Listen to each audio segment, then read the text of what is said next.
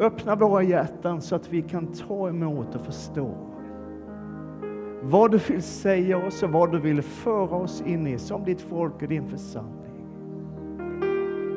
Tack Jesus. Tack Jesus. Amen, amen. Tack lovsångaren. Varsågod och sitt. De senaste söndagarna så har vi talat på det här temat Gud den högste. Och vi har talat om Guds storhet, vi har talat om hans makalösa skapelse, vi har talat om hans frälsningsplaner. Och vi har talat om hur han som är så oändligt stor, större än oändligheten, som Maximus bekännaren, kyrkofadern på 600-talet sa. Att han som är så stor ändå är närvarande, ändå är tillgänglig och ändå bara är på en enda böns avstånd ifrån oss. Att han den väldige, evige och helige också är Fader vår och Immanuel, Gud med oss. Och den senaste söndagen, förra söndagen, så, så talade jag lite grann om att när det handlar om Gud så finns det dels sånt som är uppenbart, som man egentligen alla kan se. Och Bibeln talar om hur skapelsen bär ett vittnesbörd om att det finns en Gud och att det är en god Gud och en väldig Gud. Och att Jesu liv och Jesu person visar oss hur den guden är. För den enfödde sonen har gjort Gud känd. Johannes 1 och 18 är det väl.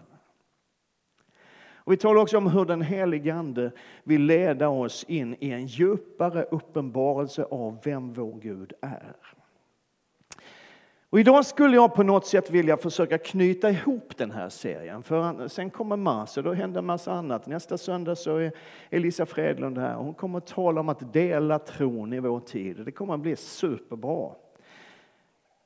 Men frågan som jag har jobbat lite grann med under mina förberedelser för den här söndagen. Det är liksom allt det här, Guds storhet, denne höge, väldige, evige Gud som också är närvarande. Vad leder det till i mitt liv? Vad gör det med mig och oss som församling att vår Gud är så oändligt stor och så helig och så väldig och så mäktig.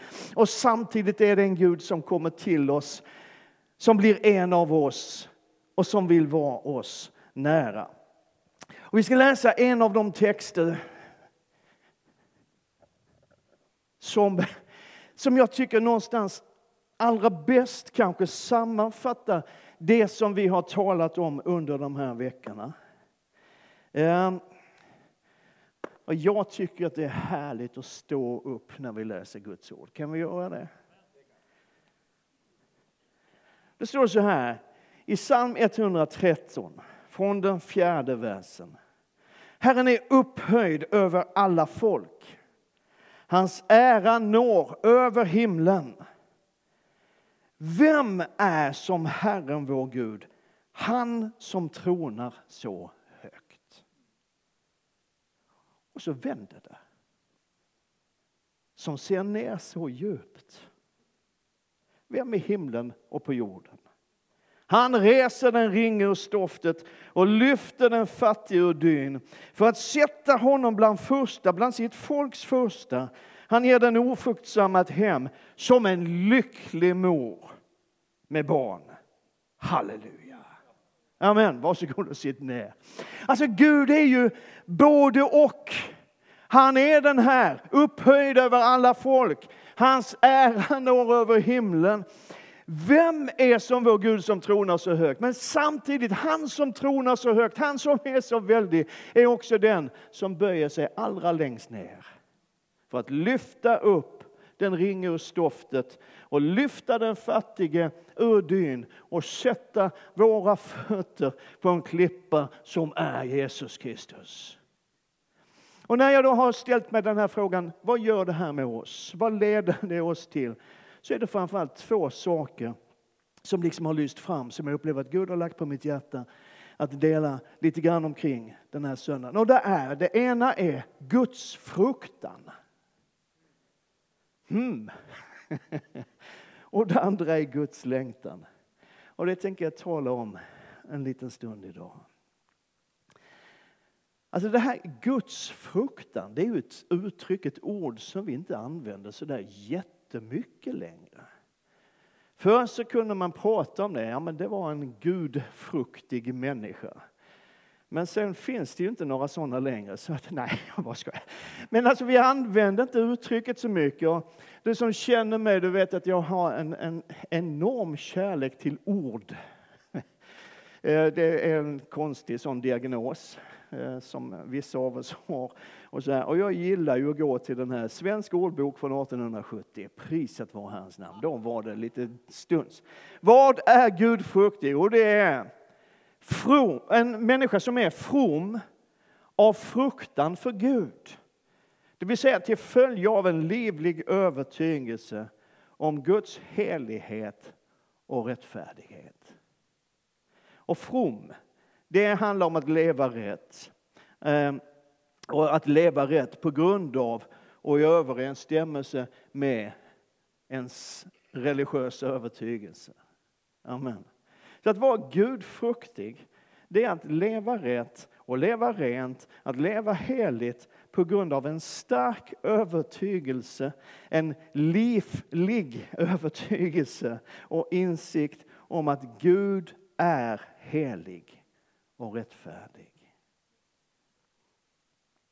Så Guds fruktan är på något sätt något som väcks i oss när vi kommer till insikt, när vi får uppenbarelse om vem Gud är och hur stor han är och hur helig han är. För två söndagar sedan när Aron predikade en jättebra predikan, finns på vår podcast. Lyssna på de här predikningarna om du har missat dem. Så citerade Aron från Jesaja kapitel 6. Jag skulle vilja återvända dit en liten stund. Det står så här. Året då kung Ussia dog. När dog kung Ussia? 759 f.Kr. Det vet alla. Nej, jag bara skojar. Året då kung Ussia dog såg jag Herren sitta på en hög och upphöjd tron. Och släpet på hans mantel uppfyllde templet. Serafer stod ovanför honom. Var och en hade sex vingar, med två täckte de sina ansikten, med två täckte de sina fötter och med två flög de. Och den ene ropade till den andra.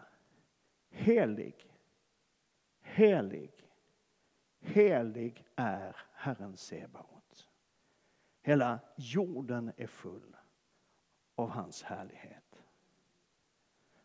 Och rösten från den som ropade fick dörrposterna och trösklarna att skaka och huset fylldes av rök.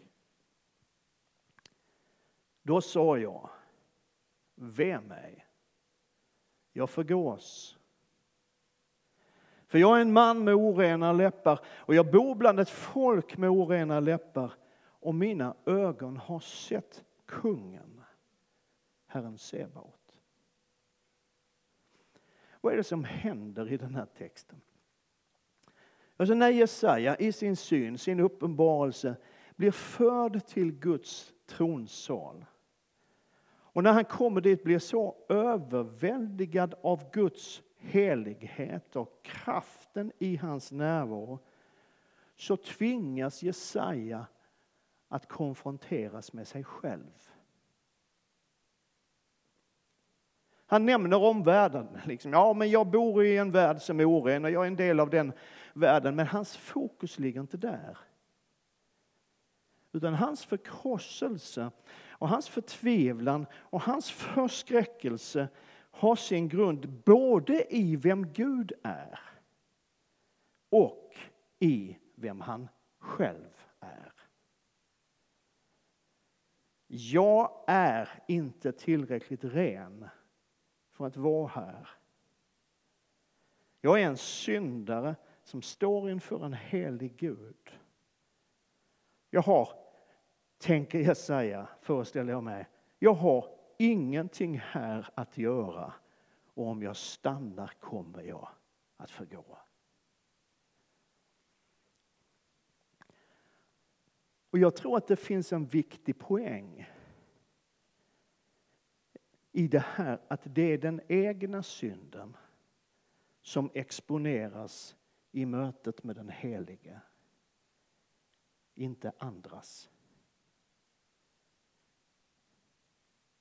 Det är den egna synden som exponeras i mötet med den Helige, inte andras.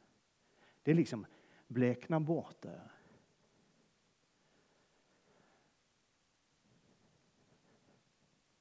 Och jag skulle kunna göra kommentarer på det där. Alltså det finns ju ibland, och det finns inte minst i vår tid, en sån tendens hos en del, inte så många här, kanske inte ens någon här, men du som följer sociala medier, du som tar del av, av diskussioner och debatter. Det finns en sån längtan, verkligen, sånt driv hos en del människor. Att vara så enormt sysselsatta med andra människors synd. Jag fick ett namn i veckan av Daniel Alm som jag tyckte var lite roligt. Den kallar för Facebook-radikaler. Men grejen är, det här har jag sagt förut, att andra människor är inte större syndare än du. De syndar bara på ett annat sätt än du. Och det enda sättet som en sant kristen skulle kunna gradera synd, om vi nu ska gradera synd, vilket jag inte tror, men om man nu skulle det, så är det enda sättet att gradera synd att räkna sin egen synd som större än andras.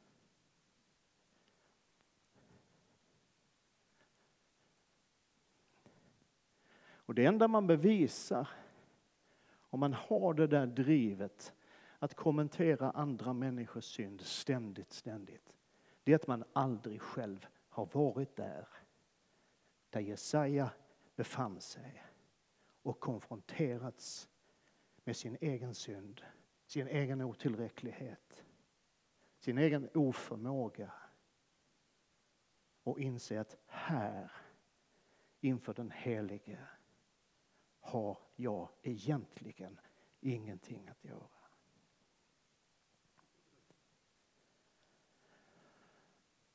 Och ibland är jag rädd att vi i våra kretsar, de här lite happy-clappy karismatiska sammanhangen som du och jag rör oss i, och jag inkluderar verkligen mig själv i vad jag säger nu, att vi har tappat bort en del av detta.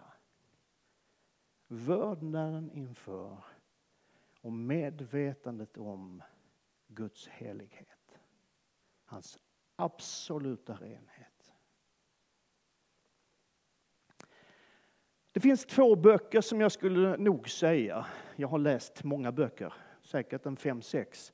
Eh, ja, men det, det finns ett par böcker som jag skulle säga har format mitt liv som kristen och som har format min tro, kanske mer än de flesta andra böcker. Och båda är skrivna av Aiden Wilson Tozer. Den ena heter Guds längtan på svenska, The Pursuit of God. Jag ska återkomma till den om en stund. Den andra heter The Knowledge of the Holy, eller Guds egenskaper, en inblick i Guds väsen. Det låter riktigt torrt på, på svenska. Men det här är kanonböcker. Och får jag bara säga det, om du bara tänker läsa en enda kristen bok i hela ditt liv, välj en av de här två. Okay? Och då skriver Tozer så här. Vi kan inte förstå den sanna innebörden av Guds helighet genom att tänka på någon eller något mycket rent och sen höja det begreppet till den högsta grad vi är kapabla till. Och jag tänker när jag läser det här, ja men är det inte lite så vi gör egentligen ibland? När vi tänker på Guds helhet, vi, vi ska försöka greppa Guds helhet, så tänker vi på den finaste och renaste person som vi kan komma på. Och sen tiodubblar vi det, eller hundradubblar det, eller liksom gör någon exponent på det. Så jag tänker, ja men så är nog Guds helighet. Liksom. Men grejen är att det räcker inte. Det är fortfarande inte i närheten. Och Tolstoy fortsätter. Guds helighet är inte bara det bästa vi vet, fast oändligt mycket bättre. Det finns inget som liknar Guds helighet. Det skiljer sig från allt annat. Det är unik, otillgänglig, obegriplig och ouppnåelig. Den mänskliga naturen är blind för den. Vi kan frukta Guds makt och beundra hans visdom, men hans helighet kan vi inte ens föreställa oss.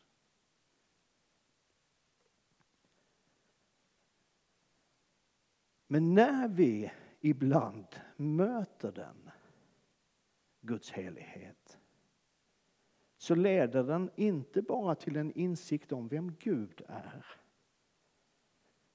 Utan den leder också till en förkrosselse över vilka vi är. Jesaja vet att han inte platsar. Han vet att han inte är kvalificerad. Och han är övertygad om att jag kommer att dö här.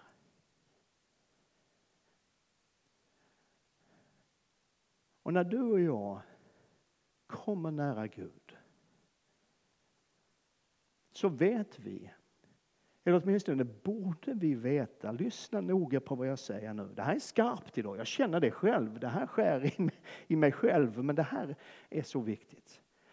När du och jag kommer nära Gud så vet vi, eller borde veta, att det enda som gör att vår syndiga och orena varelse inte blir utplånad på sekunden är att denne väldige, evige och helige Gud älskar oss och att Jesus har dött för oss. Ingenting annat räddar oss. Och den insikten föder Guds fruktan.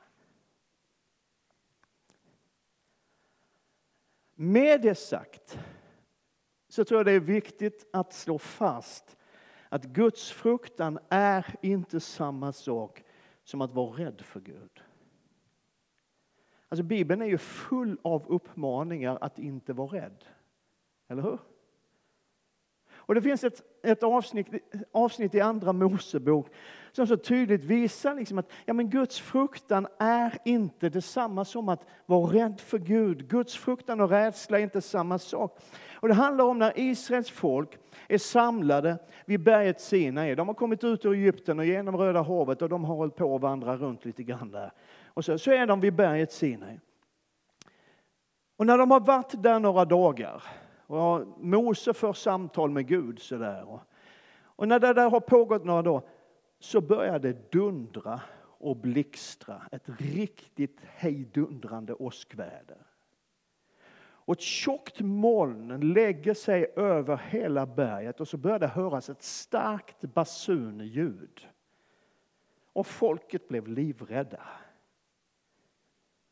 Men trots det så tar Mose dem med sig fram till foten av berget. Men när de kommer dit så ökar blixtrarna och dundret och alltihop där. Och hela berget är täckt av rök och själva berget börjar skaka därför att Gud är där. Och det är ju inte så konstigt om de är lite nervösa, eller hur? Då står det så här, Andra Mosebok 20. Allt folket var vittne till dundret och eldslågorna, basunljudet och röken från berget. Och när de såg det bävade de, sig, bävade de och höll sig på avstånd.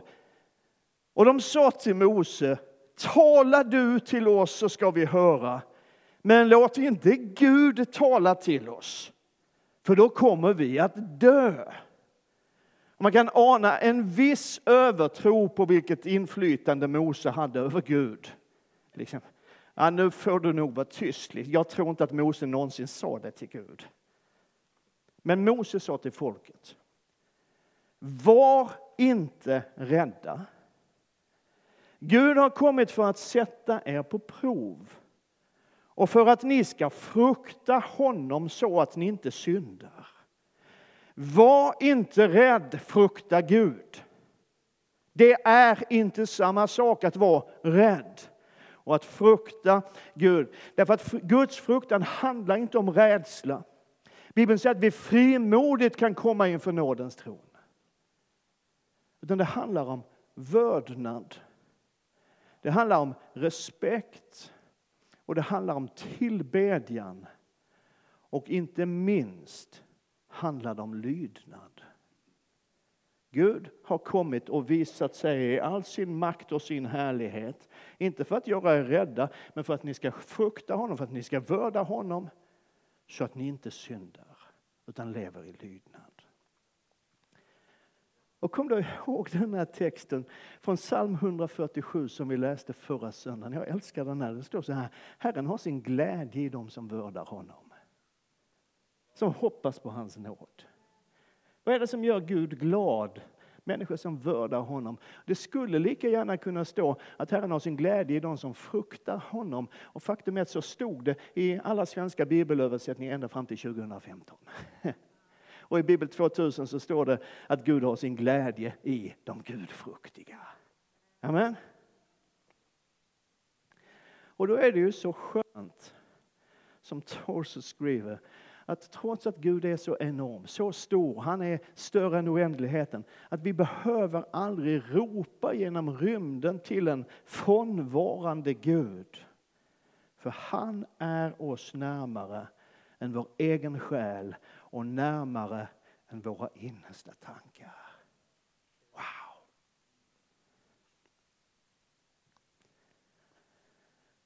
Kan man ju tänka att det blir lite konstigt då, Hultberg, att den andra punkten du vill tala om är Guds längtan. Alltså om Gud är så stor och så mäktig att till och med bergen darrar i hans närvaro. Om Gud är så helig och så ren så att när jag möter honom så blir jag så avklädd och så avslöjad och så genomlyst att jag inser att jag har ingenting att komma med. Om Gud är så helig och så ren så att allt som är orent liksom bara faller ihop och blir till en blöt fläck i hans närhet. Hur kan man då längta efter att möta honom? Det är inte så konstigt att Israels folk höll sig lite grann på avstånd, eller hur? Och på något sätt så blir det ju en paradox.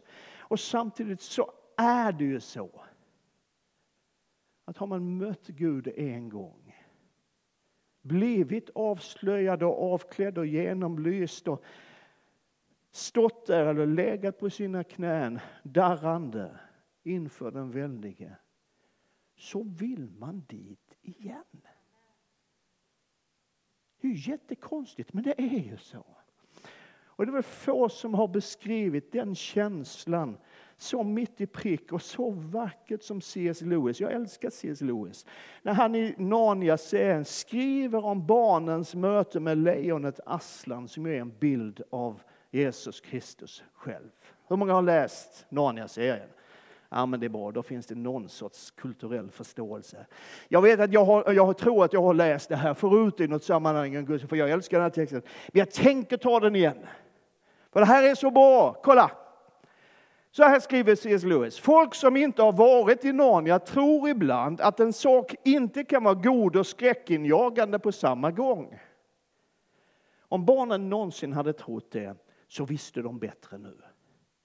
För när de försökte se på Aslans ansikte uppfångade de bara en skymt av en gyllene man och ett par majestätiska, allvarliga och betvingande ögon.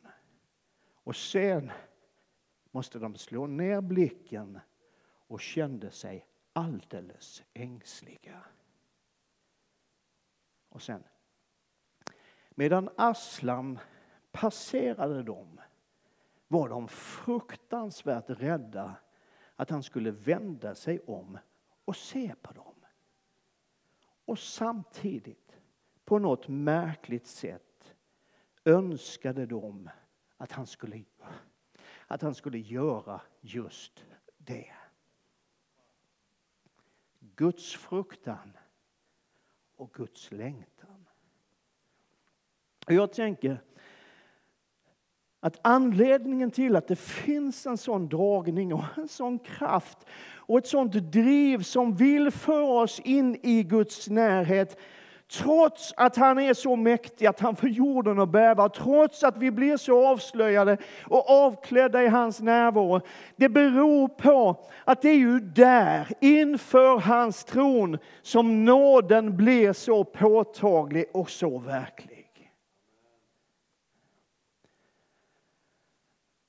Vi har ju ett behov av att sätta etiketter på varandra, hit och dit och fram och tillbaka. En del är trosförkunnare och en del är något annat förkunnare. Jag har ibland fått av en del människor liksom etiketten, en sån här nådesförkunnare. Och man anar att det inte är helt positivt när folk säger det. Men jag säger med stolthet, ja, jag är en nådesförkunnare. Och det står jag för. Men ibland så blir nådesförkunnelsen kritiserad och man pratar, ja men det, ni, ni predikar billig nåd. Och det kan ibland ligga någonting i den kritiken, inte när det gäller min undervisning, det fattar ju du, men andra, nej. Men alltså det kan ligga något i det här ifall vi tror att Gud på grund av sin nåd liksom viftar bort vår synd. Liksom bry dig inte om det där, det är inte så farligt, det ordnar sig, det, det, ordnar, det ordnar Jesus. Det är inte nåd. Och det är inte så Gud verkar. Det är synden som skiljer oss från Gud och Gud rycker inte på axlarna inför din och min synd. Men han förlåter den. Och han renar oss från den. Och han upprättar oss till ett nytt liv i helighet och renhet. Så här skriver Paulus. Också er har Gud gjort levande, ni som var döda genom era överträdelser och synder. Tidigare levde ni dem på den här världens sätt och följde härskaren över luftens välde, den ande som nu är verksam i olydnadens barn. Bland dem var vi alla en gång, när vi följde våra kötsliga begär och gjorde vad köttet och tankarna ville. Av naturen var vi vredens barn, precis som alla andra. Och det är en ganska mörk bild, men den är också väldigt sann. Vi levde i våra överträdelser och i våra synder, så som man gör i den här världen. Vi följde våra kötsliga begär. Vi gjorde vad vårt kött ville, ville. Vi gav köttet vad köttet ville ha och vi matade våra tankar med det som inte behagar Gud. Vi var vredens barn och olydnadens barn.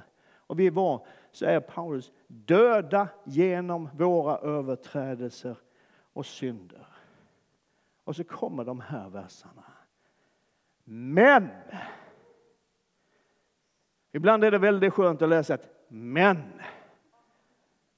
Så var det. Men. Vi var döda. Men.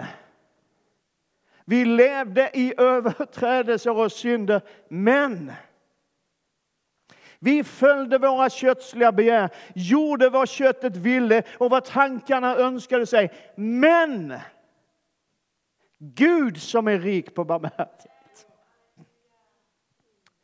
Gud som är rik på barmhärtighet har älskat oss med så stor kärlek Även när vi ännu var döda genom våra överträdelser, att han har gjort oss levande med Kristus. Av nåd är ni frälsta. Och den nåden, älskade broder och syster, den nåden finns bara att hämta på ett enda ställe i hela universum inför Guds tron. Och det betyder att om du vill ha den så måste du våga dig in dit där Jesaja tänkte att nu dör jag.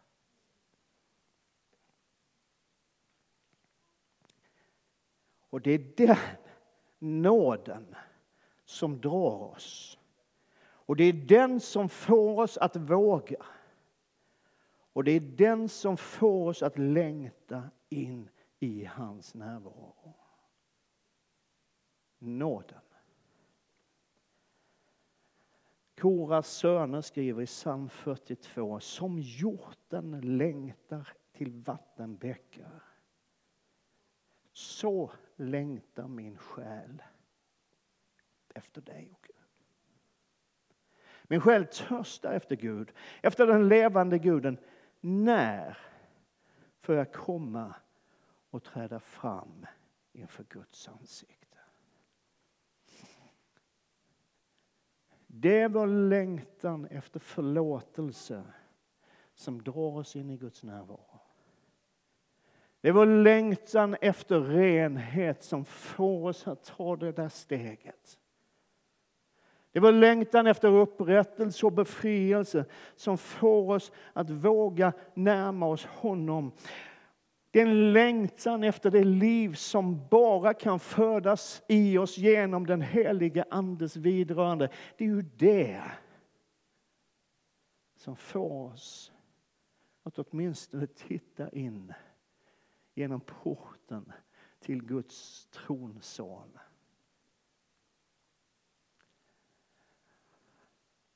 Ja, vet du, initiativet till det klivet ligger faktiskt hos dig. Det finns en vers i Jakobs brev som vi har citerat några gånger under den här predikoserien där det står så här, närma er Gud så ska han närma sig er. Alltså lyssna noga på vad jag säger nu, för det här, det här är superviktigt. Det är du inte Gud som avgör och bestämmer på vilken nivå din gudsrelation ska ligga.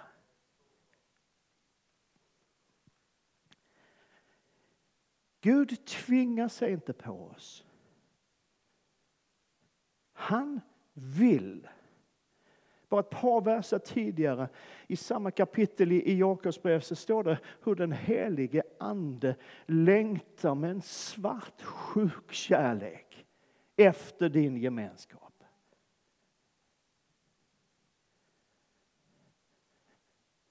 Men initiativet ligger hos dig. Första steget ligger hos oss. Det är du och inte Gud som avgör hur nära du vill komma. Men han har lovat att om vi närmar oss honom och sträcker oss efter honom så är han där. Vi har ju liksom fått för oss, en del av oss i alla fall, fått för oss på något sätt att vissa människor de har en alldeles speciell favör med Gud. Som att Gud på något sätt väljer att vara lite extra nära just de där människorna.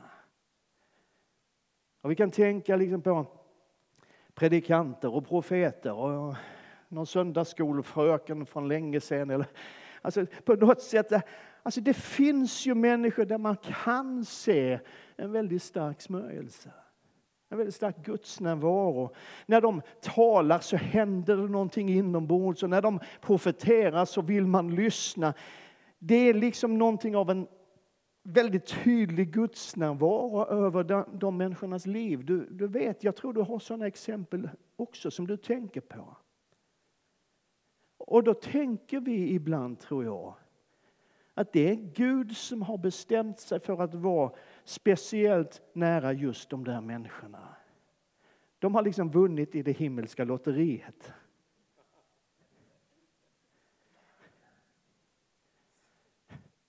Men sanningen är ju att det är de som har bestämt sig för att vara nära Gud.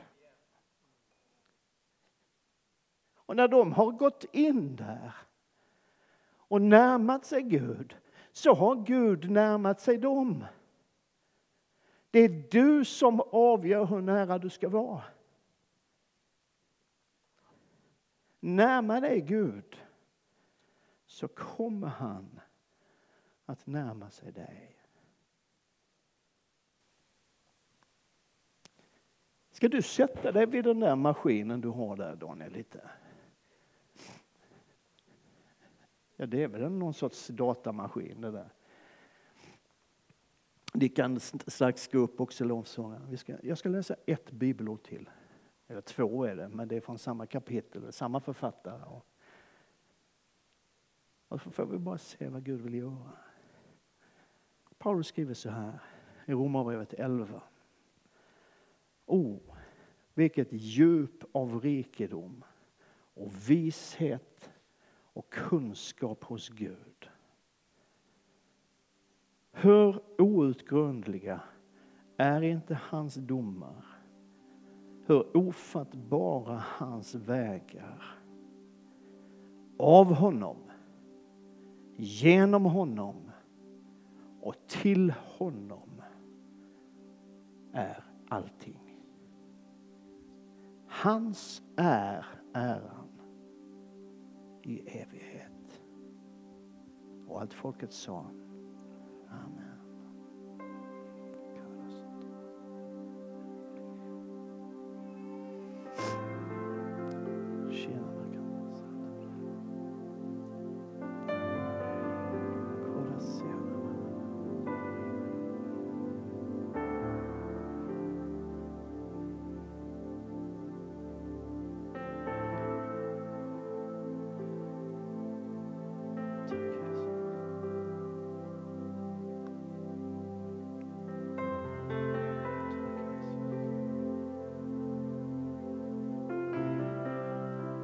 upplevt ganska tydligt under den här veckan när jag förberett mig för den här predikan att det finns en kallelse från Guds hjärta. Och även om liksom initiativet ligger hos oss, det är vi som tar första steget, så sitter inte Gud passivt och tänker de får väl göra som de vill.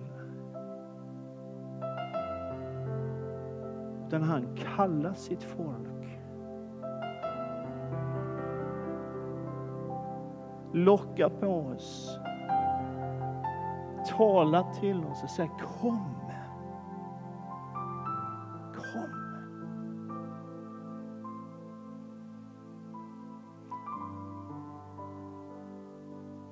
Kom in i min närvaro.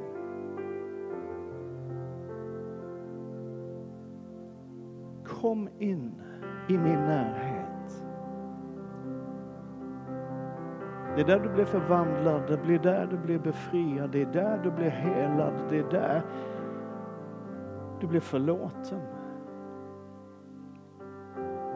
Det är där dina synder utplånas och det är där du får kraften att leva i seger. Och det finns ingen annan plats.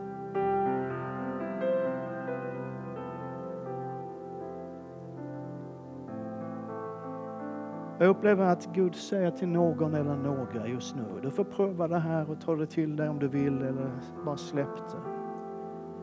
Det är som att Gud frågar, hur länge ska du hålla på och kämpa i din egen kraft?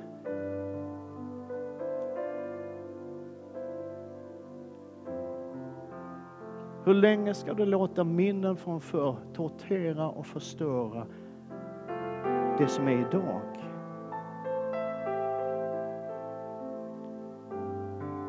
Hur länge ska du låta synden vinna över dig gång på gång, gång på gång, gång på gång?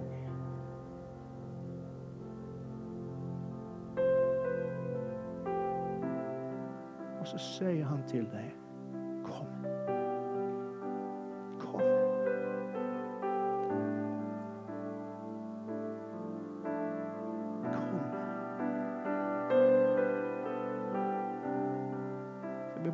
inför Gud en stund.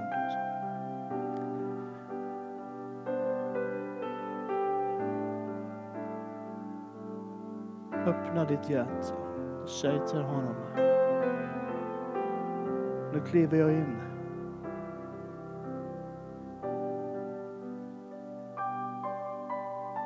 Nu kliver jag in.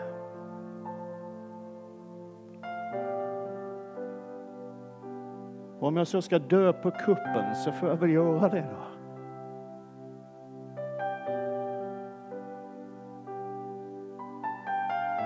Det var vad drottning Ester sa när hon klev in i kungens tronsal.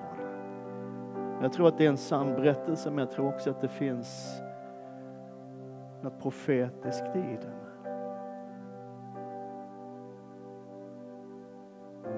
Hon visste att hon egentligen inte hade där att göra. Men hon gick i alla fall. Och så sa hon, ska jag dö så får jag väl göra det då. Men nu går jag. Den känslan hade Jesaja när han stod där, nu dör jag. Men han gjorde ju inte det. Utan han blev förvandlad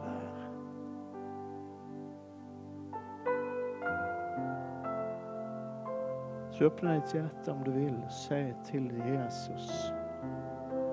Nu kliver jag in. Gör med mig vad du vill. Men jag behöver dig. Mer än någonting annat